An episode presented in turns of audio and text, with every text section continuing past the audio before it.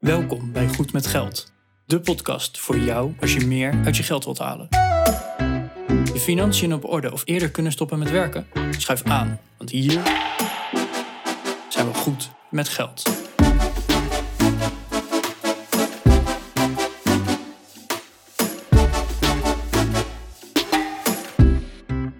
aflevering 84 van de Goed met Geld podcast. Ik ben Bas En ik ben Arjan. En wij hebben vandaag weer een, eh, een gast in de studio. Niet elke week, maar af en toe dan, eh, dan nodigen we iemand uit om mee te praten over geld. En onze gast van vandaag is 27 jaar jong, bierbrouwer en goed met geld. Maar toen kwam corona om de hoek en begon het een beetje te kriebelen. Hoe ver weg is FIRE nou eigenlijk?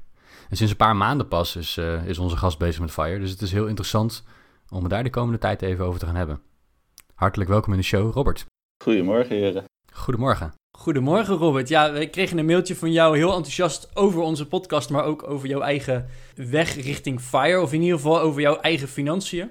Ja, je gaf aan, ja, ik, ik wist altijd wel ongeveer hoe mijn geldzaken in elkaar zaten, maar eh, nu met corona heb ik opeens tijd over en eh, Ja. ben ik me er wat meer in gaan verdiepen. Ja. Maar voordat we het daarover gaan hebben, zou je heel kort even wat over jezelf kunnen vertellen? Zeker. Nou ja, ik ben dus eh, Robert. Ik ben 27. Ik werk als controller bij een bierbrouwer. En eh, ja, ik heb, ik heb een hele financiële achtergrond. Opleiding gedaan, bedrijfseconomie aan de hogeschool.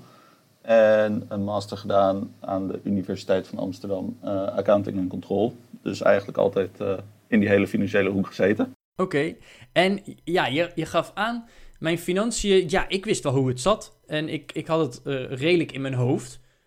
Kan je daar iets over vertellen? Kan je, kan je vertellen hoe, hoe dat nou ging? Eh, nou, in dit geval dus voor corona, want dat is een beetje Ja. het omslagpunt geweest. Ehm, ja, wat, wat, ik, eh, wat ik in de mail zei inderdaad. Ik had het altijd redelijk in mijn hoofd zitten. Eh, de, er ging wel eens iets meer uit dan erin kwam, maar er kwam ook wel eens meer in dan eruit kwam. Nou, het kwam altijd om en nabij de nul in ieder geval. Ik had ook altijd ruimte om te sparen. Heb ik eigenlijk sinds ik eh, klaar ben met mijn studie, heb ik dat altijd gehad. Ja, eigenlijk begin vorig jaar, toen, eh, toen heb ik op een gegeven moment zoiets gehad van... Nou, eh, toen had ik geen zin meer, had ik het niet meer naar mijn zin bij mijn, bij mijn baan. Toen heb ik mijn baan opgezegd. Toen ben ik ongeveer anderhalve maand gaan reizen. Eind vorig jaar heb ik een verhuizing gehad van een sociale huurwoning naar een vrije sector huurwoning. En toen corona kwam, toen had ik inderdaad best wel veel tijd over. En toen was eigenlijk het moment wat ik al, nou ja, ook al een jaar of twee had, waarvan ik zoiets had van nou, nou moet ik toch echt eens een keertje op een rijtje gaan zetten wat ik, eh, ja, wat er allemaal in komt en uitgaat en eh, waar dat naartoe gaat. En ehm, ja, dat eigenlijk. Wat ik altijd heel grappig vind, is dat mensen die ehm, in de financiële hoek zitten, zakelijk gezien of vanuit hun Ja. studie gezien, dat die eigenlijk nooit zo nadenken. En ik generaliseer nu, hè, niet specifiek over jou, maar in het algemeen zie ik dat, nou, in Nederland dus zijn heel weinig mensen goed met hun geldzaken bezig. Hm. Maar, maar juist ook bij mensen die in de financiële wereld eh, zitten, die bij een bank werken of in, eh, als controller ergens werken, dat soort beroepen hebben, dat die goed omgaan met het geld van hun werkgever. Dat is hun baan, daar zijn ze goed in, daar hebben ze voor gestudeerd en krijgen ze goed voor betaald. En dat ze dan thuiskomen na een werkdag en hun privéboekhouding niet zo goed op orde hebben. Dat vind ik altijd wel bijzonder om te zien. Ja, dat was bij mij ook het geval inderdaad. Ja, Ja, dus je gaf aan van, nou, ik kwam eigenlijk altijd wel op de nul uit. Ik kon altijd een klein beetje sparen, dus het zal ongeveer wel goed zitten. En ik denk dat dat met veel Nederlanders is die, eh, nou, ja, die wat hoger opgeleid zijn. Die in elk geval de nullijn weten te houden. Hè. Je zal niet, eh, misschien niet zo gauw in de schulden terechtkomen. Maar, maar hoe, hoe ben je uiteindelijk begonnen dan om ook je privéfinanciën eh, op een rijtje te gaan zetten? Waar, waar begin je? Je hebt op een gegeven moment het idee in je hoofd. Ik moet daar wat aan gaan doen. Waar, hoe start je? ja nou ja, misschien, misschien wel goed om te vertellen van een, een goede vriend van mij, die is er eh, van de opleiding. Die, die, nou ja, die is toevallig financial en die had het wel gelijk al eh, op orde. Ja, ik heb het gewoon met hem heb ik het heel veel over, eh, over geldzaken gehad. En eigenlijk, ja, wat ik zeg, van, ik wist het ongeveer wat er allemaal uitging, wat mijn vaste lasten waren, waar het naartoe ging, dat soort dingen. Maar ik had het gewoon nooit op papier gezet. En ik heb ja, van, de, van Mr. Fop heb ik zeg maar eh, online dat eh, Excel-sheet gedownload. Ja. En eh, daar ben ik op een gegeven moment alles vanaf, nou ja, wat was het, 2018 eh, ben ik erin gaan zetten. Gewoon voor mezelf ook om te kijken van, oké, wat heb ik dan vorig jaar gedaan? Klopt het mijn idee wat ik over vorig jaar had? Mhm. Nou ja, wat ik zeg, van ik ben ongeveer uh, anderhalf maand ben ik werkloos geweest. Heb ik gereisd, ik heb een verhuizing gehad. Ik had het idee van oké, als je het hebt over spaarpercentage, dat staat in de min. nou ja, dat klopt Op ook wel. op dat moment wel, inderdaad. Dat ja. klopt ook wel, zeg maar. Maar door die vriend ben ik, ja, ben ik er eigenlijk al vrij snel mee in aanraking gekomen en er nooit echt iets mee gedaan. Mhm. Ja, en, en wat ik net zei, van ja, door corona ben ik in één keer, eh, had ik zoveel tijd over dat ik zoiets had van, nou, ik heb nu geen excuus meer om het zeg maar op papier te gaan zetten. En uh, ja, ik ben gewoon uh, bankafschriften gedownload en ik ben het gaan inkloppen in Excel. En uh, ja, wat categorieën bijgemaakt, eventjes gekeken van oké, nou, waar gaat het nou naartoe? Wat geef ik uit? Hoeveel geef ik eraan uit? En ja, wat kan ik daar eigenlijk mee? Ja, en eigenlijk voor corona, door, ook door die vriend zeg maar, we hadden het ook regelmatig over beleggen. Vorig jaar, begin van het jaar ben ik ongeveer begonnen met beleggen. Oh ja. Eerst met kleine bedragen. Even een klein stapje terug naar, uh, je, je, gaf aan uh, van, uh, van Mr. Fop, heb jij een, het huishoudboekje heet dat geloof ik gedownload, die Excel Ja. Om, Ja. je, om je budget en je uitgaven in, in bij te houden en te kunnen analyseren. Voor de luisteraar die, die dat niet kent, Mr. Fop is de schrijver van, de, van het blog financieel onafhankelijk blog.nl.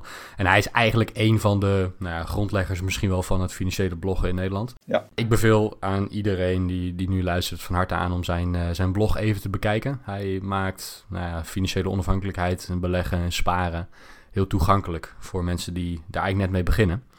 Ja, Um, absoluut. en in, in de show notes van, uh, van vandaag, van deze aflevering, op www.goedmetgeldpodcast.nl slash 084, zal ik ook een linkje opnemen naar zijn blog. Uh, zodat je zelf even een kijkje kan nemen. Dat je dat huizenboekje kan downloaden. Dat kun je gratis doen, dat kost, uh, kost helemaal niks. En wie weet helpt jou dat ook om, uh, om te starten. Ja, maar ik ben dan heel benieuwd. Je hebt, je hebt dat huishoudboekje gedownload. Ja. Wat kwam eruit? Want je had een idee van, nou, volgens mij kom ik ongeveer wel op de nullijn uit. Behalve dat spaarpercentage, want uh, verhuizing en een, uh, een reis van anderhalve maand. Dus dat, dat is logisch dat je dan uh, geld inlevert. Ja. Maar verder, was je idee een beetje correct? Mijn idee was redelijk correct, zeg maar, wat ik op maandbasis uitgaf. Ja? En ook wat er ongeveer binnenkwam. Maar van bepaalde posten schrok ik dan weer wel. Als we het dan hebben over bijvoorbeeld ja, het uitgaan, zeg maar, naar een uh, cafeetje of uit eten gaan. Mm -hmm. Die post die was toch wel, ja, zeg maar, als je, als je dat dan zeg maar ziet, dan, dan schrik je ervan hoeveel, uh, hoeveel dat dan is.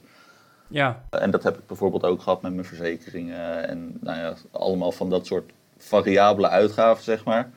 Dat ik daarvan toch wel zoiets had van oei, dat is toch wel pittig, zeg maar. Ja, ja ik, ik moest eigenlijk meteen bij jou denken toen ik, toen ik je mailtje zag en toen je dit aan het vertellen was aan onze aflevering Goed met Geld zonder administratie. Ja. Uh, daar hebben we een hele aflevering over gemaakt en hè, wij denken oprecht dat het echt kan. En nou, hè, wat ik dus hoor, uiteindelijk ik kwam op de nullijn uit, dus het was verder prima.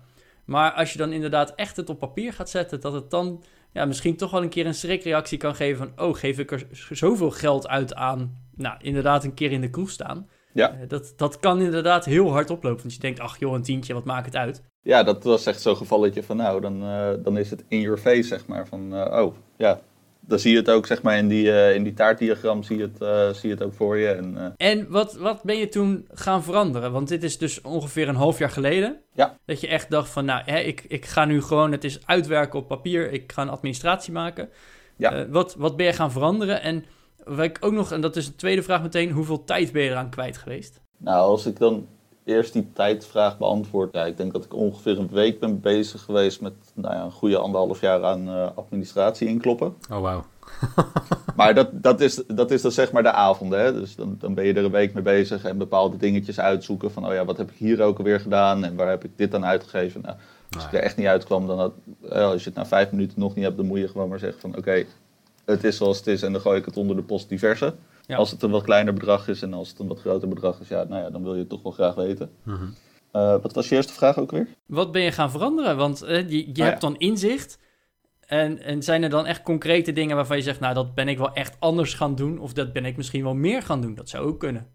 Ja, wat ik als eerste anders, uh, of wat, wat ik als eerste veranderd heb, is ik ben al mijn verzekeringen tegen het licht gaan houden. En daar ja, heb ik toch wel op jaarbasis bijna 400 euro in kunnen snijden, zeg maar. Zo. Omdat dat ook het geval is van ja, toen ik uit huis ging heb ik een verzekering afgesloten en daar eigenlijk nooit meer naar omgekeken. En nou ja, ja dan loopt dat, dat, dat is zeg maar het ding ook geweest uh, waar ik ook achter ben gekomen van als het doorloopt, dan, dan kijk je er niet naar om, zeg maar.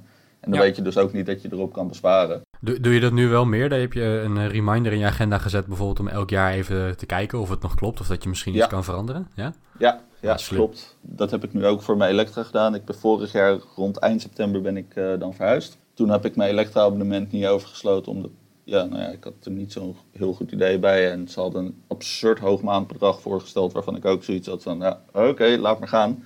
Dan krijg ik volgend jaar krijg ik lekker een bedrag terug. Verkapte spaarrekening, ja. Ja. Ja, eigenlijk wel, ja. ja, prima. Ja, en dat, dat zeg maar, als ik dan nu straks mijn jaarafrekening krijg, dan ga, ga ik daar, eh, ga ik daar mee, eens mee aan de gang. En, eh, en kijken of ik dat om kan zetten. Nou ja, we hebben het allemaal gelezen dat, eh, dat met corona dat bijvoorbeeld de energietarieven enorm eh, omlaag zijn gegaan. Dus eh, misschien is het daarbij ook wel verstandig om eh, in plaats van variabele tarieven vaste tarieven te nemen. Oké, en ja, je geeft aan, ik ben, ik ben ook nog verhuisd. Eh, Ja.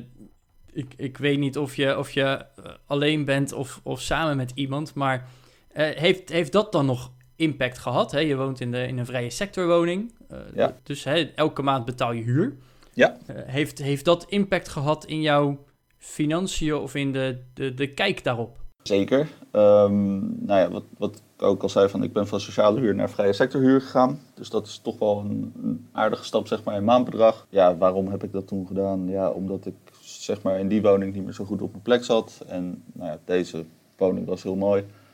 Ehm, jullie hebben een aantal afleveringen heb- geleden hebben jullie het gehad over huren of kopen. Mhm. Ik ben er zelf echt van overtuigd dat kopen eh, op de hele lange termijn eh, goedkoper is. Maar goed, ja, kopen, eh, als je, als je alleen bent, dan is dat... ja, het is al moeilijk, zeg maar, de hele huizenmarkt. Maar als je alleen bent, dan is het praktisch onmogelijk, zeg maar. Ja, ja, de financiering als, als, als starter in je eentje is gewoon heel lastig inderdaad. En je krijgt wel financiering waarschijnlijk, dat, dat zal het probleem niet zijn. Ja. Alleen ja, met de, met de huidige huizenprijzen, ja, wat, wat kan je daar dan verkopen is natuurlijk de vraag. Maar wat daarbij komt, hè, het is natuurlijk niet alleen een financieel aspect tussen kopen en huren, waar we het eh, nou, in die vorige aflevering ook over hebben gehad. Maar het is ook nog zoiets van, ja, blijf jij hier de komende tien jaar wonen? Als, je, als het antwoord daarop ja is, dan is kopen misschien wel voordeliger. Als het antwoord is, nou ja, misschien ben ik over een jaar wel weer weg, omdat ik dan een toffe baan ergens anders kan krijgen.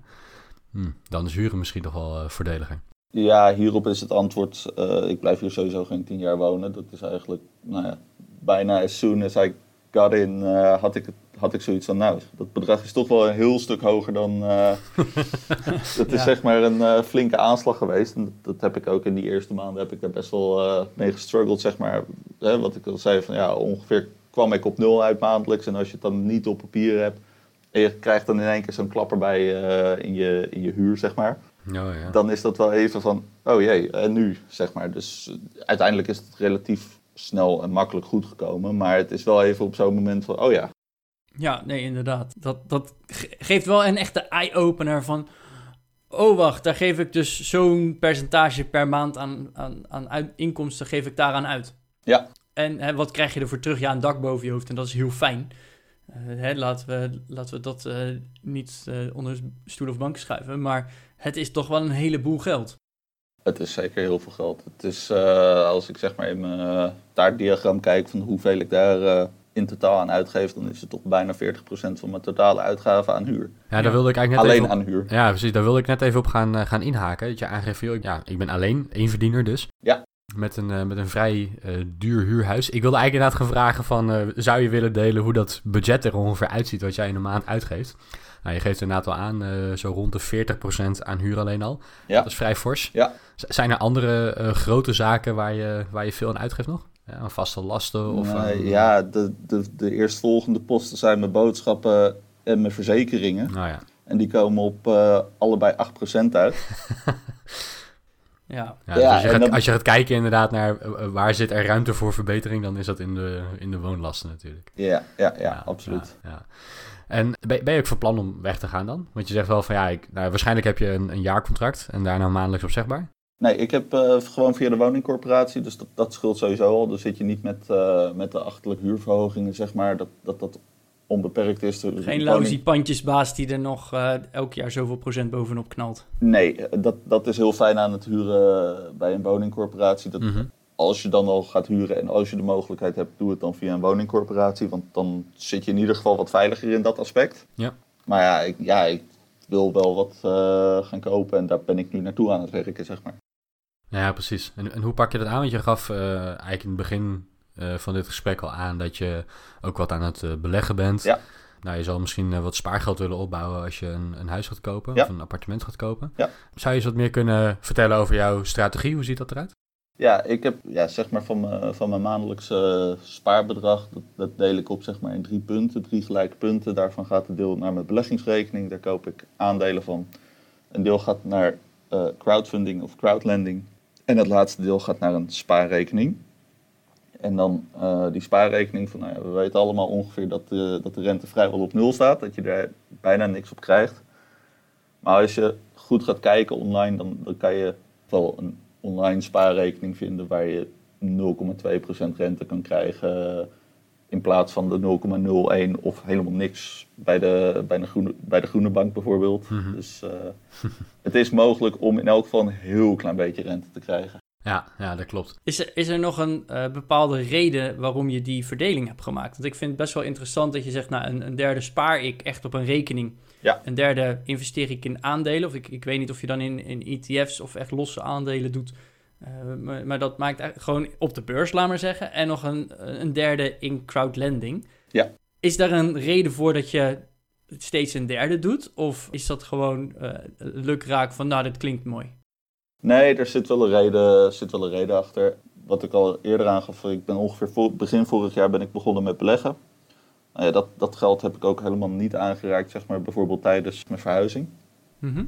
Maar dat resulteerde er dus wel in dat eind vorig jaar, begin dit jaar, dat bijna 100% van het spaarvermogen in de beleggingen zat en dat ik verder nergens iets in had zitten. Ja.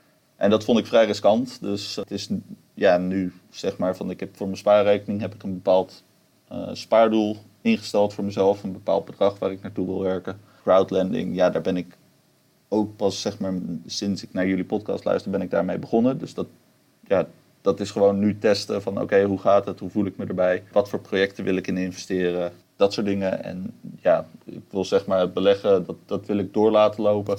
Dus daar blijf ik gewoon maandelijks hetzelfde bedrag in, uh, in stoppen, zeg maar, voorlopig. Waar, waar, beleg je dan in? Zijn dat uh, fondsen of aandelen of wat, wat doe je? Het is voornamelijk uh, ja, de, de welbekende ETF van Vanguard. En daarbij heb ik mezelf gewoon een, ja, een klein beetje speelgeld gegeven om wat, om wat met losse aandelen te doen. Nou ja. Ik moet ook zeggen dat dat niet fantastisch gaat. Dus dat, dat ik het eigenlijk nu gewoon bij de, bij de ETF hou. Nou, ik vind het wel briljant dat je zegt van ik, ik investeer inderdaad gewoon in een ETF. En uh, ik neem aan dat je het over VWRL hebt. Ja. Ja, dus dat is uh, nou, onze vorige aflevering, of de aflevering daarvoor geloof ik, ging over het, uh, het kiezen van een ETF. Ja, twee afleveringen geleden. En, en daarin hebben we het onder andere ook gehad over VWRL. Dat is een, een ETF, een, een aandelenfonds, uh, zo kan je het noemen misschien. Die belegt in uh, nou, ongeveer 3500 bedrijven over de hele wereld in allerlei sectoren. Ja. En daarmee heb je dus een hele mooie risicospreiding. Een, uh, een belegging met hele lage kosten. Ja, en op de hele lange termijn zal dat waarschijnlijk een goede, goede investering zijn. Ik vind het wel slim dat je nog een, um, een speelpotje ernaast hebt. Dat voorkomt namelijk dat je met je echte beleggingen gaat zitten spelen. Ja, ja ik wilde nog wel heel even inhaken op de ja, VWRL-ETF. Daar ben ik eigenlijk vanaf het begin ben ik daarin uh, gaan investeren. En dat heb ik eigenlijk een soort van blind gedaan, omdat, uh, omdat die vriend die dus al een hele tijd ermee bezig was, zei van ja, dat is een uh, goede belegging. Zonder dat ik eigenlijk echt wist wat dat nou was. Dus dat, nou ja. wat jullie al eerder hebben gezegd, van verdiep je er vooral in. Maar ja, ja, eigenlijk is dat dus gewoon een hele goede, een heel goed advies geweest. Dat is dus per ongeluk een goede keuze geweest. Ja, min of meer, ja. Daar, ben je later dan Ja. Oké, oké. Okay, ja, en, en voordat we uh, doorgaan, ik was nog eigenlijk heel erg benieuwd, uh, je, je spaarbedrag. Je, hebt, je gaf aan, ik heb een spaardoel. Ja. Hè, je wil een bepaald bedrag sparen. Nou, ik hoef niet per se te weten van hoe, hoe hoog dat bedrag is. Maar waarop heb je dat gebaseerd? En uh, hè, de, uh, het advies wat wij wel eens hebben geroepen is... Nou, zorg dat je een x-aantal maanden ja. aan uitgaven... Ik, ik weet niet of het daarop is gebaseerd, Ja. maar... Oké, okay, en hoeveel maanden is dat dan? Uh, ik heb voor mezelf als spaardoel ingesteld ongeveer vier tot vijf maanden uh, aan uitgaven op die spaarrekening te gaan krijgen. Oké. Okay. En uh, heb je daar nog advies over ingewonnen? Heb je gekeken van wat, wat de, het Nibud heeft geloof ik ook echt een, een buffercalculator. En ja. wij hebben het in de podcast er wel eens over gehad. Heb je daar nog adviezen over ingewonnen? Of vijf, vier, vijf maanden klonk gewoon prettig? Nee, ik heb ook gekeken naar de, naar de, ja, de Nibud calculator. Ja, en, en eigenlijk gewoon wat steeds naar voren kwam van... Oké, ja, ik heb gewoon niet zo heel veel direct vrij opneembaar. Dus daar ben ik gewoon mee aan de gang gegaan. Maar als je zegt van ik wil een huis gaan kopen, is, is een, een paar maanden voldoende? Of ben je bovenop die, nou ja, die buffer als het ware ook nog aan het sparen voor de aankoop van de woning? Of doe je dat ook deels met je, met je beleggingen misschien? Uh, combinatie. Het is uh, gedeeltelijk dat, uh, dat spaarsaldo, Mhm. wat ik op mijn spaarrekening heb, en gedeeltelijk met mijn beleggingen. Nou ja, precies. Ja. je hebt natuurlijk als je zegt van ik wil over een jaar of over twee jaar, maar in elk geval op een nou redelijk korte termijn een, een huis kopen. En ik heb daarvoor een bedrag X, Y, Z nodig. Ja. ja, als de beurs dan net 40% crasht, dan heb je op dat moment niet genoeg geld om een huis te kopen. Terwijl als je dat geld gespaard zou hebben, heb je dat natuurlijk wel. Dus dat, ik vind dat zelf altijd een beetje spannend. Hè? Dan denk je van, ja, een groot gedeelte van mijn vermogen zit in aandelen, want vermogensopbouw op de lange termijn. Ja. Maar als je zegt van, ja, ik heb over een jaar een bepaald bedrag nodig, dan is dat misschien niet uh, de juiste route. Aan de andere kant, als je een combinatie hebt en zorgt dat je daardoor nou ja, genoeg geld hebt, dan, dan zal het wel goed komen. Maar het is wel goed dat je daarover na hebt gedacht. Ja, en nou ja, ik weet, ik weet ook van links en rechts. Nou ja, kijk, wat bijvoorbeeld ook niet overal uh, wordt aangegeven, is dat, dat er bepaalde gemeentes zijn die startersleningen geven. En dat is iets wat bij mij ook niet bekend was. En waar ik bijvoorbeeld onlangs ook pas achter ben gekomen van, oh ja, die mogelijkheid die is er ook nog. En dat geeft toch ja, wel wat extra ruimte. Mijn gemeente die geeft bijvoorbeeld uh, tussen de 40.000 en 50.000 kunnen ze als extra starterslening uh, erbij geven. Mm-hmm. Of nou ja, geven, lenen. En uh, ja, dat, dat vergroot dan toch wel weer je mogelijkheden. Ja, ja want een, een starterslening, een, correct me if I'm wrong, maar dat is dus eigenlijk een lening die je krijgt van de gemeente uh, voor een, een x-bedrag. Nou, in dit geval zeg je 40 tot 50.000 euro uh, is, is te doen. Ja. Om inderdaad jouw allereerste huis te kunnen kopen. En vaak zit daar dus nog een aflossingsvrije periode in. En ik, ik geloof dat dat een, een jaar of twee, drie is. Ja. Uh, zodat je een beetje ook alles weer op de rit kan krijgen. Vaak zit er als starter, hè, dan begin je ook vaak net aan je carrière. Dus dan heb je ook wel weer kans op wat salarisverhoging. En heb je dus eigenlijk, hoef je pas na twee, drie jaar echt af te gaan lossen. Ja, klopt. Zo, uh, op het moment dat je ook wat meer ruimte hebt. Hè? Want als je net verhuisd bent, nou, dat is echt hoeveel kosten daar dan af en toe bij komen. Dat je denkt, oh ja, ook nog dit en ook nog dat even opknappen en noem maar op.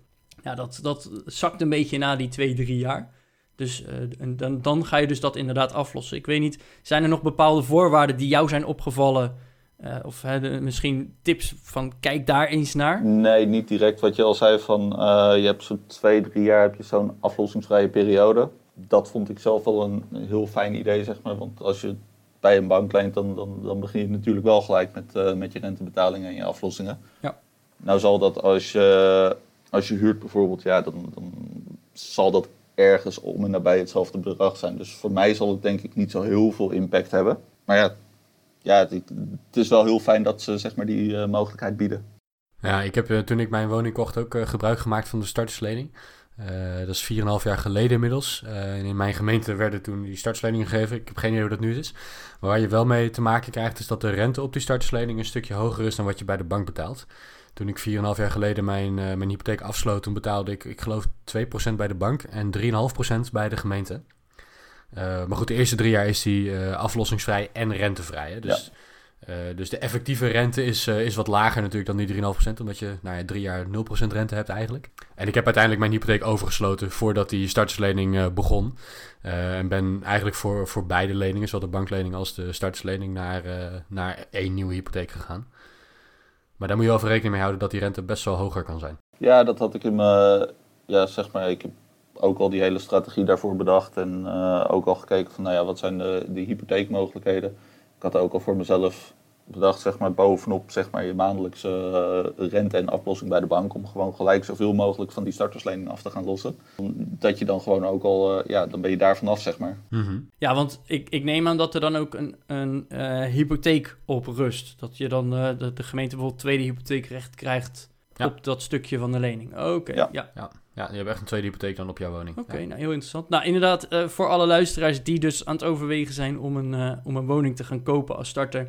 Kijk dus ook vooral even in die gemeente van, uh, is er een potje voor startersleningen? Vaak is het ook echt een potje en is die op een mo bepaald moment leeg. En dan moet je gewoon wachten tot volgend jaar voordat je weer kans kan maken op een, een stukje starterslening. Maar verdiep je erin. Want uh, het, het, ja, beginnen met een huis kopen is gewoon al heel moeilijk. Het financieren ervan is gewoon lastig. De huizenprijzen zijn enorm hoog. Dus uh, dit kan zeker een optie zijn om, uh, om je net dat steuntje in de rug te geven, zodat je het wel kan kopen. hey, en Robert, we, ja, ondertussen, je bent begonnen met, het, met de gedachte, ik ben oké okay met geld. Je bent een hele administratie in gaan vullen. Je bent Ja. wat dingen tegengekomen. Je hebt wat veranderd. Je, je, je hebt wat toekomstplannen. Maar hoe zie je dan ook die toekomst? Eh, ga je veel meer besparen? Of zeg je van, nou, zoals het nu gaat, is het goed? Of hè, ben je eh, misschien wel net zo gek als ons en ga je uiteindelijk nog ergens voor financiële onafhankelijkheid door? Nou, ik heb daarin niet echt direct een plan, zeg maar. Uiteindelijk zou ik wel eerder willen stoppen met werken. Maar ja, als dat niet gebeurt, ik wil in ieder geval, wat jullie al zeiden, van dat is het minste goed met geld zijn. Mhm. Om eerder te kunnen stoppen, ja, dan zal er echt nog wel wat meer moeten veranderen. En ik ben bijvoorbeeld ook, nou ja, eh, met, met mijn telefoonabonnementen en contracten tegen het licht aan het houden.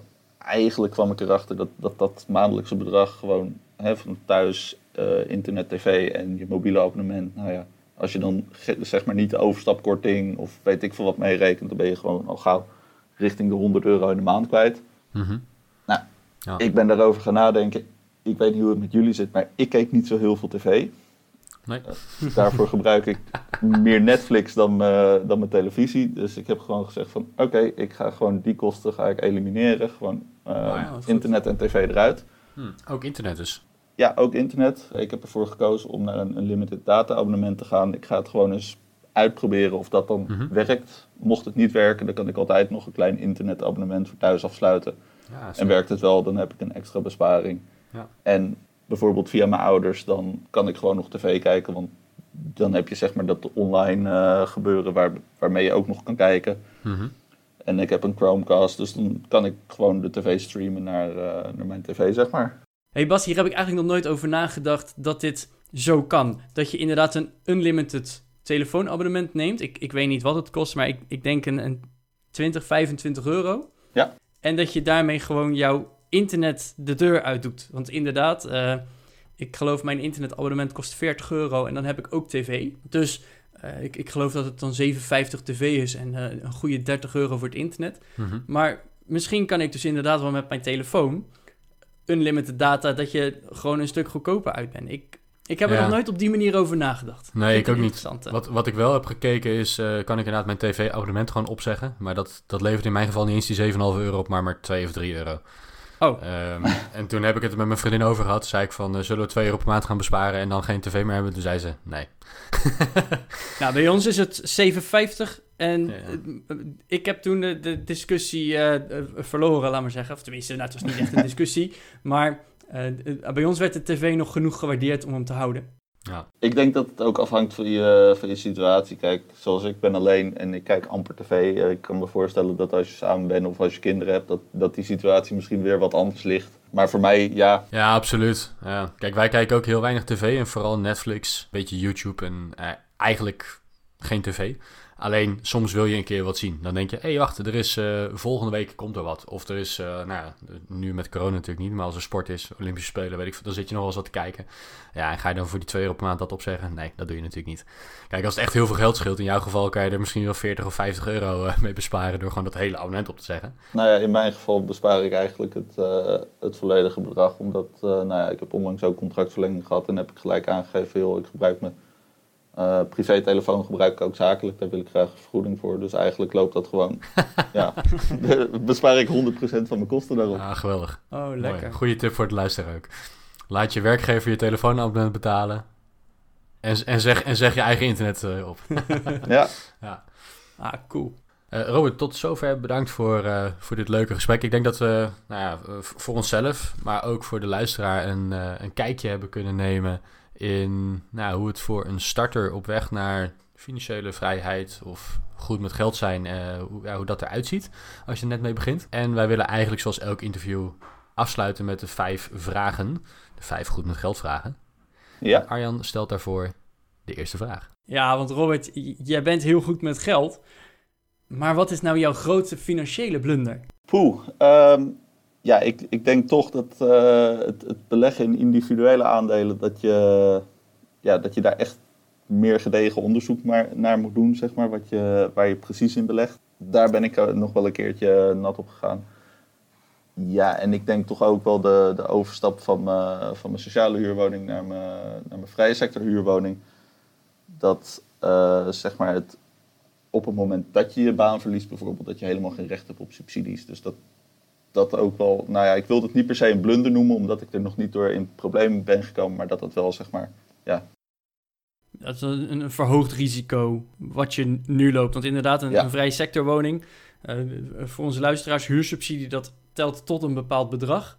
Dus als jouw huurwoning te, te duur is, dan eh, maak je dus eigenlijk al geen kans meer op, eh, op huursubsidie.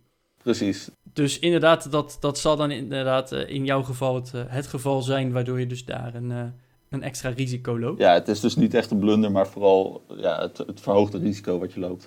Ja, en, en wist je dat van tevoren of kom je daar eigenlijk nu in de loop van de tijd pas achter? Onbewust weet je dat, op zo'n moment denk je er niet echt over na. En op het moment dat je zeg maar, dat soort dingen op een rijtje gaat zetten en oké, wat gebeurt er als ik mijn baan verlies?